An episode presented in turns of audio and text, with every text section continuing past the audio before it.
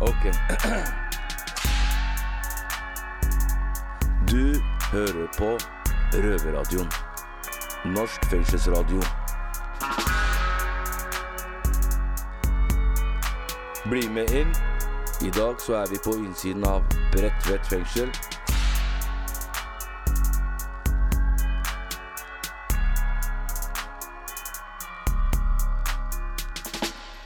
Du som hører fast på Røverradioen, husker sikkert at vi i fjor slo alarm om uh, forholda i den norske kriminalomsorgen.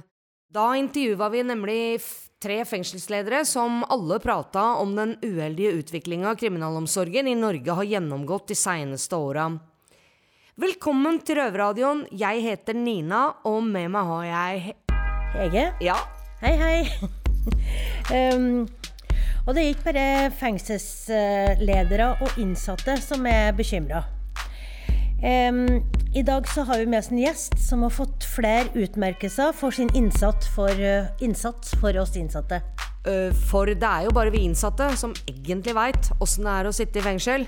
Um, betjentene kan tro at det maner, uh, og det kan sikkert andre også, men hvis det er en streiting som faktisk veit noe om åssen det er å være innsatt i norsk fengsel, så er det gjesten vi har med oss i dag.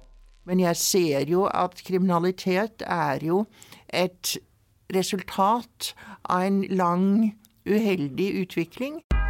Røverradioens gjest i dag, det er kommandør Randi Rosenquist. Kommandør? Visst er hun det, ja. Hun fikk nemlig Sankt Olavs orden eh, for mange tiårs arbeid bak seg innen kriminalomsorg. Jøss. Yes. Og så er hun pensjonert. Hva? Hvorfor setter du det i anførselstegn? Nei, for at hun er vel egentlig Ja, hun er egentlig pensjonert, men hun har jobber fortsatt mye, da. Ja. Og jobber for innsattes rettssikkerhet. Denne, og hun brukes òg som rettspsykiatrisk sakkyndig. Ja, flere profilerte saker har hun blitt brukt som, og hun brukes fortsatt som.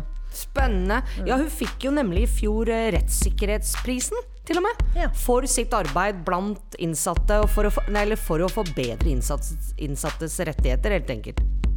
Men uten videre dikkedarer så setter vi nå over til gutta ved Halden fengsel eh, og hører på intervjuet som ble gjort for en tid tilbake.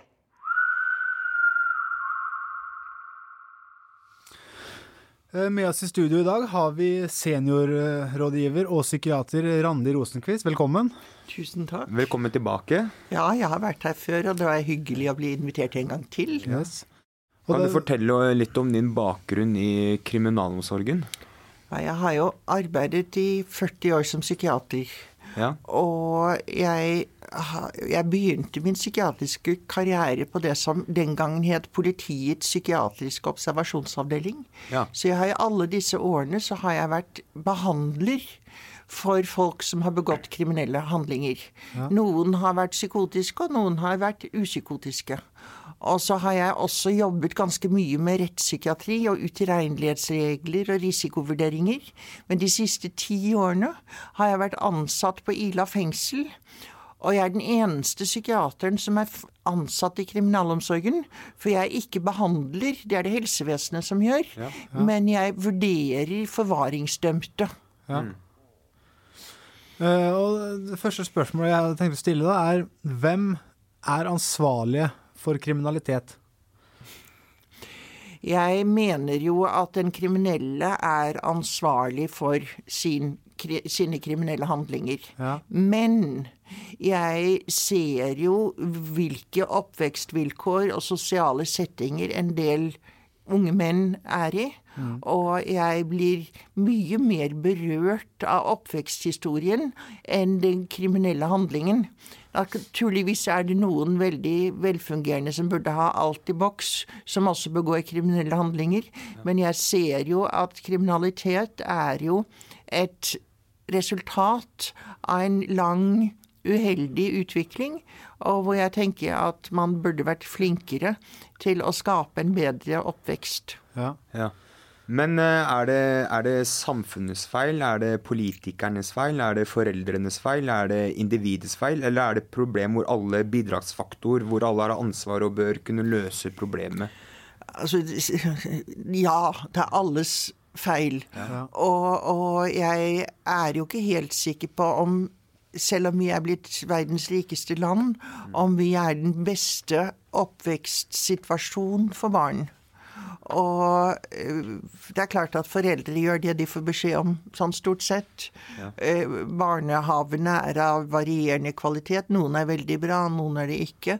Barnevernet har en avventende situasjon. Det er dårlig kommunikasjon mellom skole og barnevern og foreldre til tider. Det er dårlig økonomi. Eh, Noen familier har jo veldig dårlig økonomi. Så alt dette her til sammen kan gi en oppvekst som er ganske sørgelig. Ja. Og om du skulle bygd et fengsel, hvordan hadde de forskjellige oppsettene vært? For, et, for eksempel for et forvaringsfengsel, for et vanlig høysikkerhetsfengsel eller for et lavere sikkerhetsfengsel?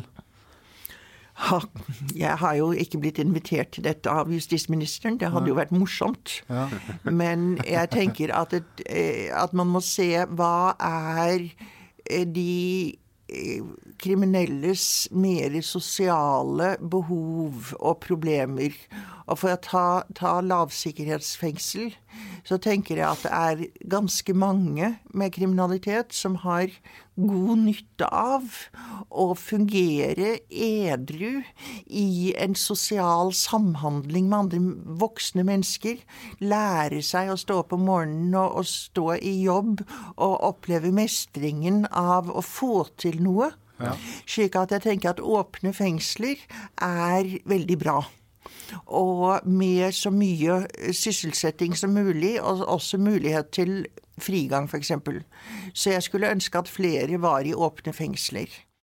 En vanlig høysikkerhetsfengsel, det, der må man jo dessverre basere fengselsdriften på mistillit. Fordi at man vet jo at de innsatte vil prøve å lure og jukse. Og jeg syns at det er veldig vanskelig å å, å ha en personalpolitikk som baserer seg på at vi skal ha tillit til hverandre, og vi skal se hverandre som mennesker, samtidig som vi må ha en profesjonell mistillit.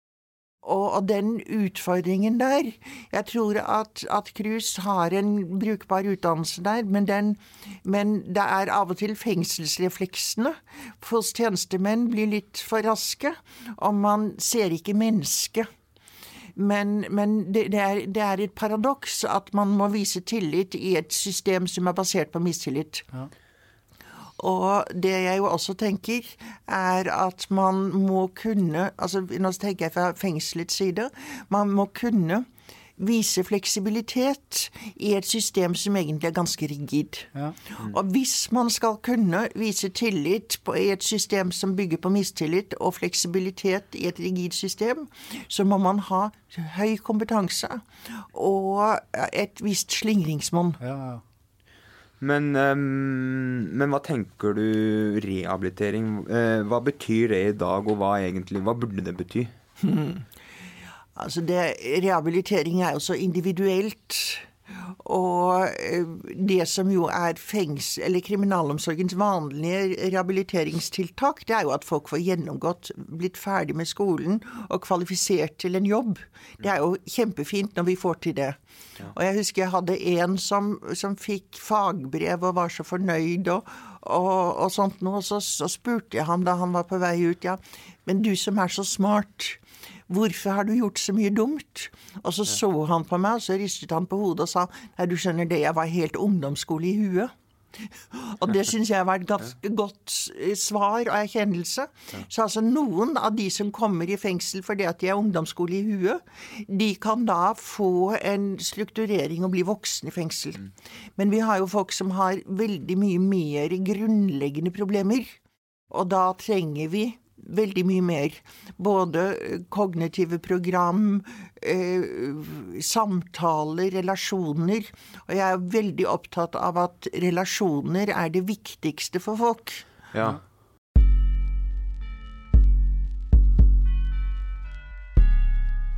Men eh, tror du det at det En bra rehabilitering da, det er at mennesker lærer seg å gå på skolen, sitte på en skolebenk og jobbe fra åtte til fire da, for å kunne gjøre det ute igjen i samfunnet? Til å gå på en åtte til fire timers jobb?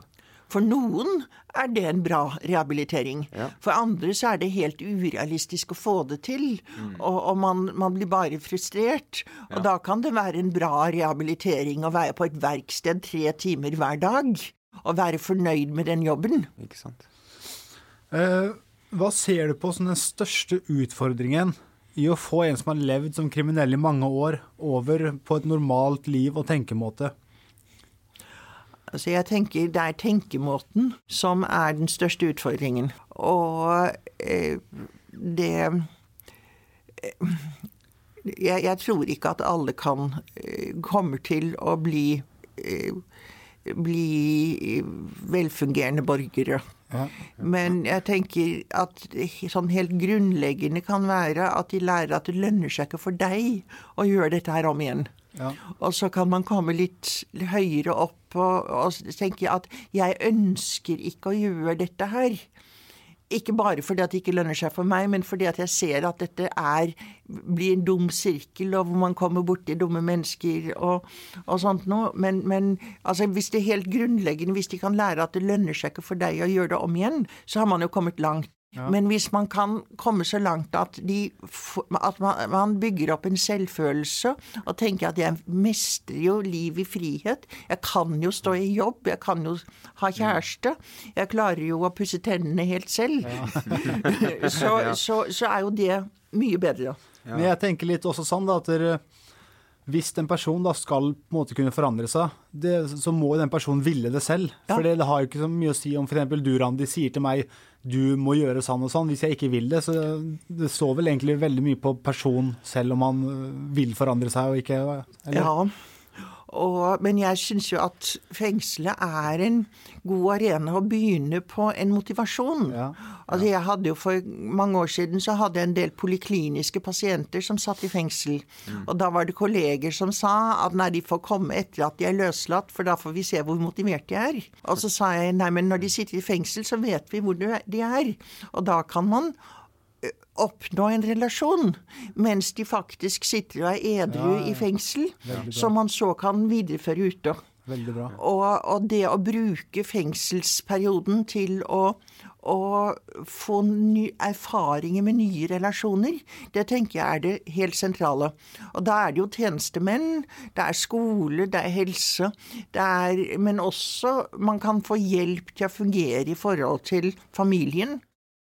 Skjønner. Men, men tror du det er eh, rehabilitering i norske fengsler?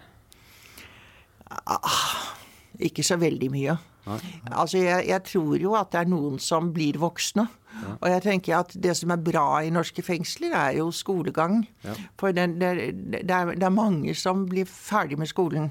Ja. Og det er bra. Og det å stå i erfaring på et verksted, det tror jeg er bra.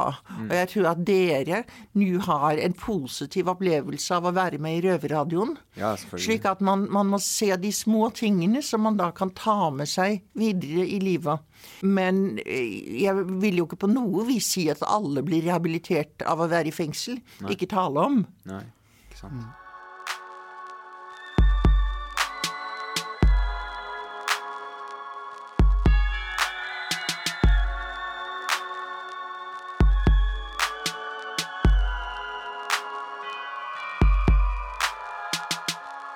Ja, Hege, det var reine ord for penga fra Randi Rosenquist.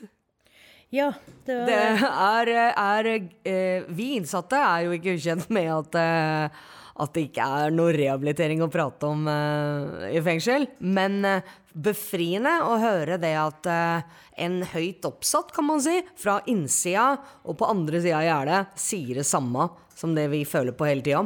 Ja, jeg har samme oppfatning. Det Ja. er det. Men et av de temaene som var veldig viktig for Martin og Christian, det var diagnosering av oss innsatte. Ja, for det er jo fryktelig mye av det uh, innen kriminalomsorgen og eller i systemet for øvrig, at uh, det er fryktelig viktig da å sette diagnoser på folk fra A til Å. Altså Ja, Da lurer jeg på hvem er viktig for hvem?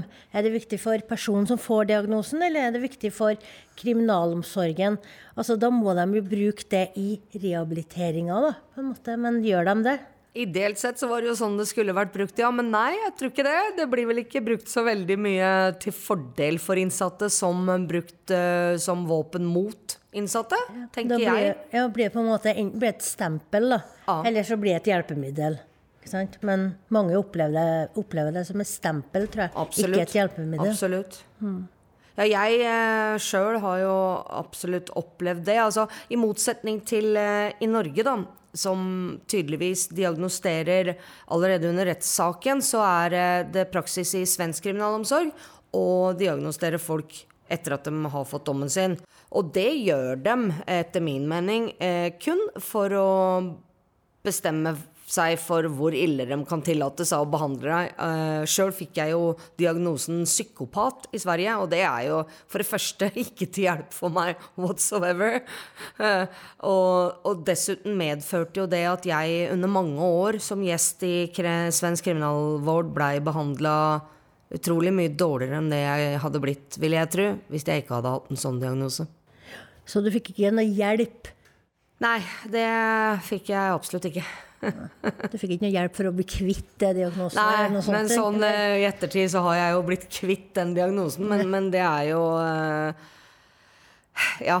Altså, du får ikke noe second opinion, eller du får ikke noe eh? Det, det, Du har ikke noe mulighet til å motstride den. Og dessuten, den diagnosen bygga jo kun på hva jeg var dømt for, ikke hvem jeg var, og egentlig ikke hva jeg hadde gjort før i livet. Så Hvor, hvor mye snakka den psykologen med deg? Altså, hvor mye tid brukte han de på å sette To, to møter. To møter det- på å sette en diagnose på deg? Ja, ja, og det ene møtet var eh, mest noen sånne klosser og figurer og sånne ting. Sånn intelligens, tror jeg, form for test. Han konkluderte jo dessuten med at jeg sannsynligvis hadde nevrologiske skader, så jeg følte meg jo både dum og farlig etter eller det til diagnoseringa hans. Men, men, eh, og så var det litt grann spørsmål om hvordan oppveksten min hadde vært, stoffmisbruk, bla, bla. Litt sånn.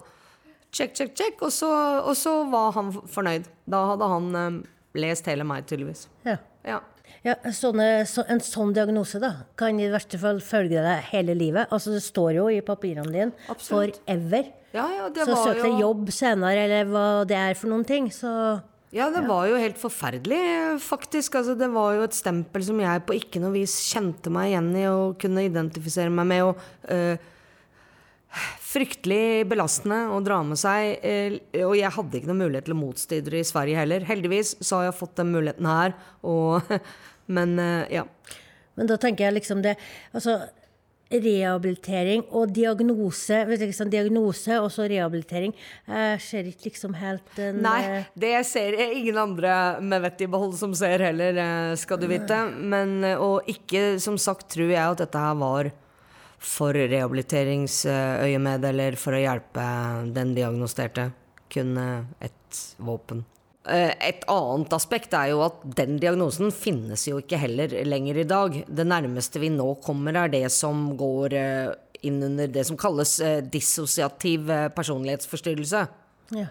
Ja, og, og grunnen til at den diagnosen ikke finnes lenger i dag, er jo fordi den var særdeles uspesifikk og, og ikke Ja. ja. En psykopat kan ikke rehabiliteres, da. Ifølge den diagnosen så var det jo da uhelbredelig. Ja. Og, og liksom sånn at nei, det var ikke noe hjelpemiddel som lå bak den grunnen der. Hjelpa var kun for svensk kriminalvård. ja. Da fikk du liksom Du er kriminell, du er- sitter for det og det, og så er du psykopat, Ja. psykopat og så intet håp. Ja, Ferdig. ferdig. Sånn at det, det var ikke lett å, å rette ryggen og løfte blikket og sikte framover eh, der, nei. Det var ikke det. ta tak i rehabiliteringa der, det er jo nesten umulig, liksom. Altså med alt det stemplinga, da, tenker jeg. Helt klart. Men eh, nå er jeg spent på å høre hva Randi Rosenquist mener om eh, disse diagnosene. Det er jeg òg. Men eh, er du enig med at eh, statistikk, statistikken da, om at eh, 70-80% av norske innsatte har en eh, form for personlighetsforstyrrelse, er du enig i det? Ja, det er riktig, men spørsmålet er hvor mye vekt skal man legge på det? Og altså, vi har jo alle sammen en personlighet. Og hvis personligheten medfører at du gjør ganske mange dumme ting, så kaller vi det en personlighetsforstyrrelse. Ja. Men, men jeg tenker at man legger altfor mye vekt på disse diagnosene. Ja. Gjør det kanskje det.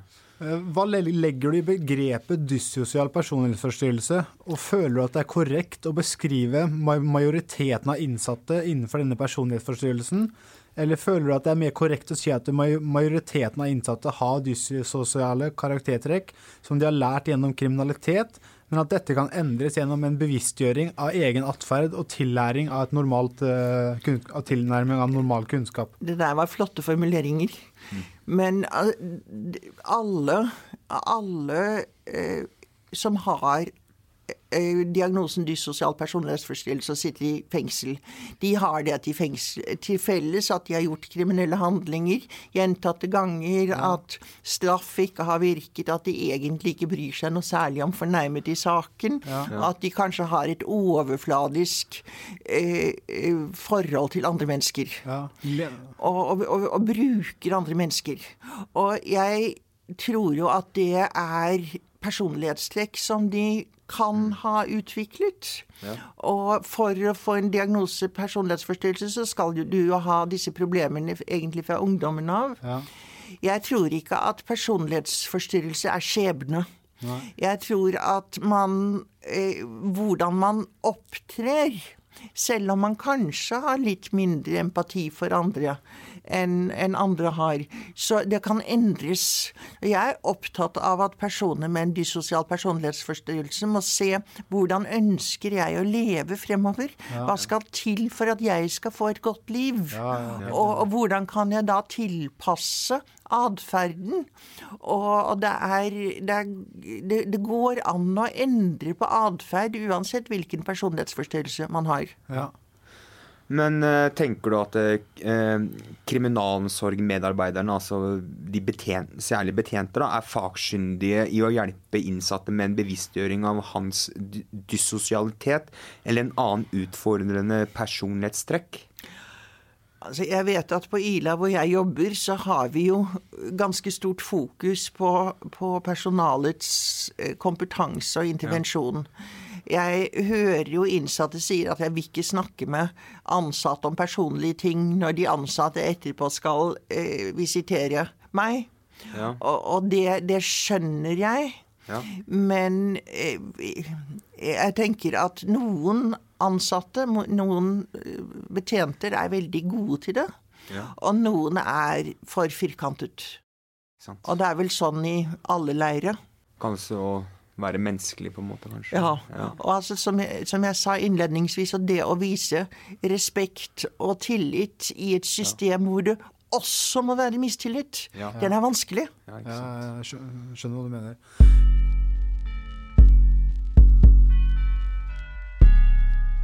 Men hva tenker du om den skjerpende soningsholdningen i kriminalomsorgen, hvor det blir mer utfordrende for innsatte å få permisjon og overføring til eh, lavere sikkerhet? Og Jeg, eh, fra Ila så har vi jo vært bekymret i mange år fordi at det er så vanskelig å få forvaringsdømte over til lavere sikkerhet.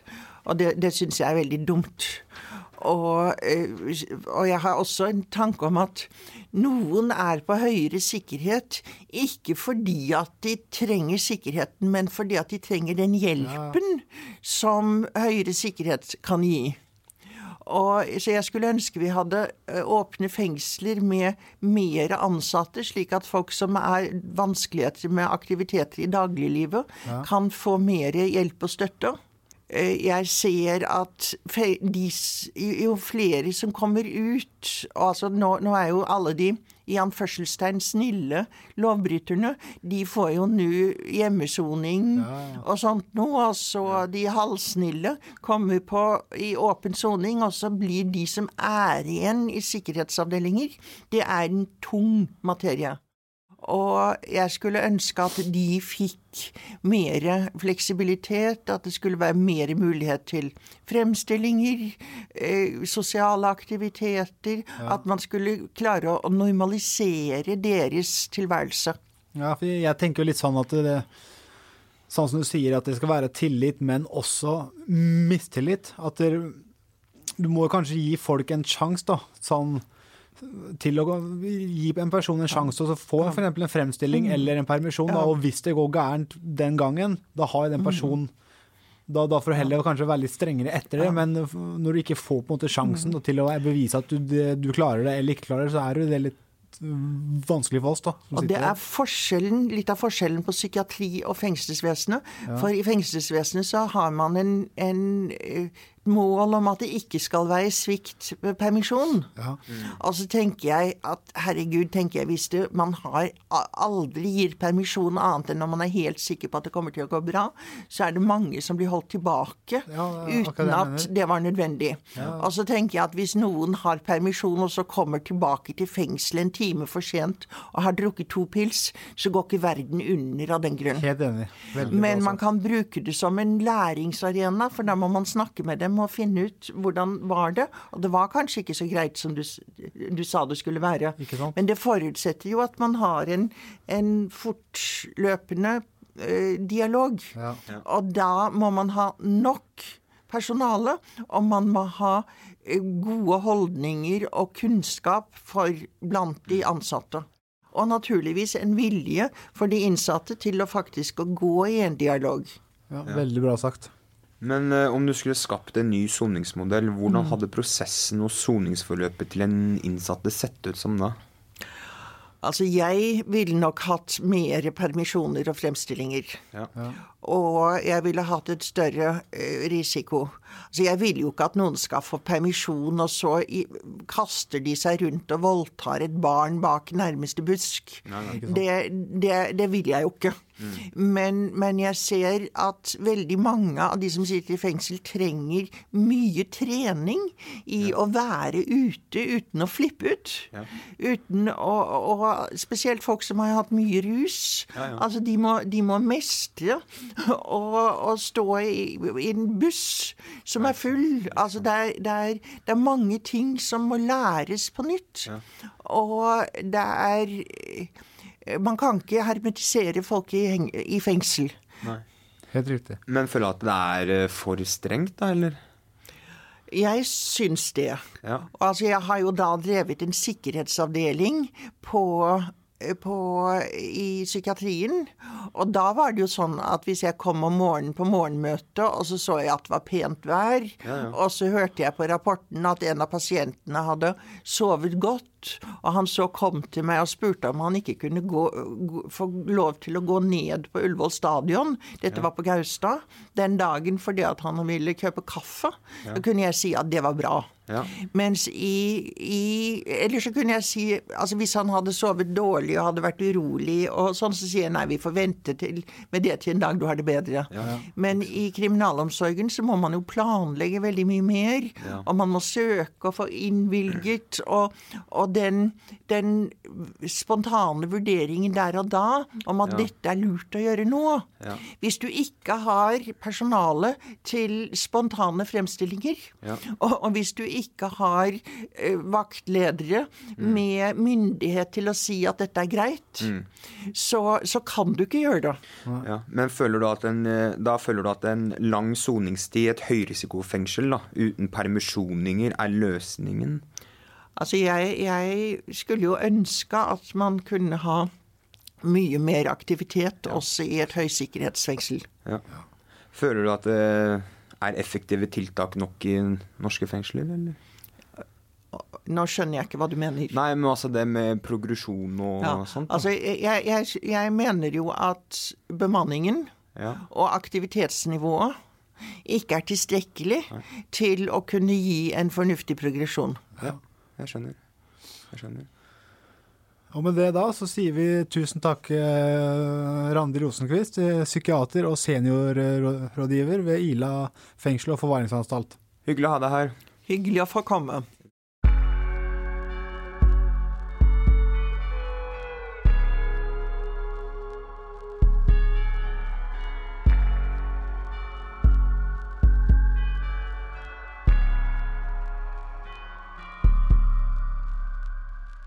Dette var et eh, bra intervju for eh, oss innsatte å høre, eller hva, Hegge?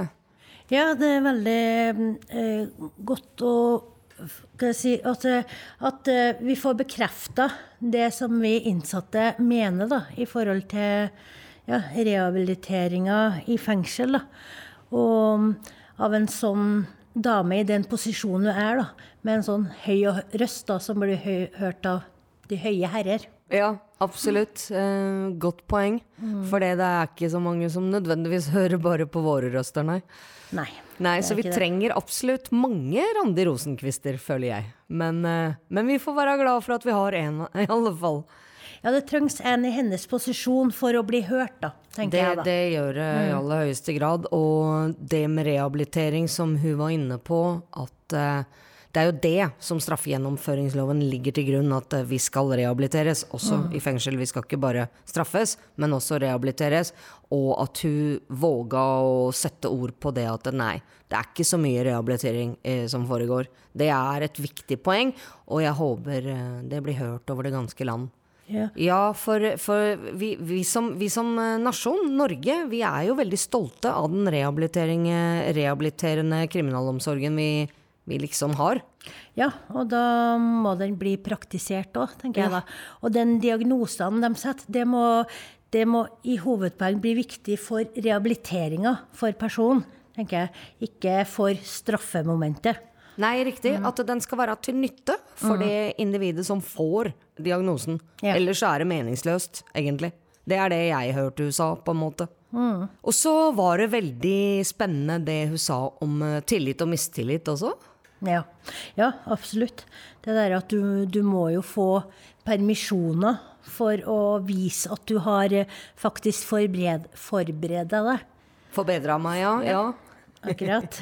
Hvis ikke så har du ingen sjanse til å bevise da, at du har ja, blitt bedre, eller du har en, at du har til sikte at du har slutt, tenkt å slutte å ruse deg, du har tenkt å begynne et bedre liv, du vil bytte nettverk og sånne ting.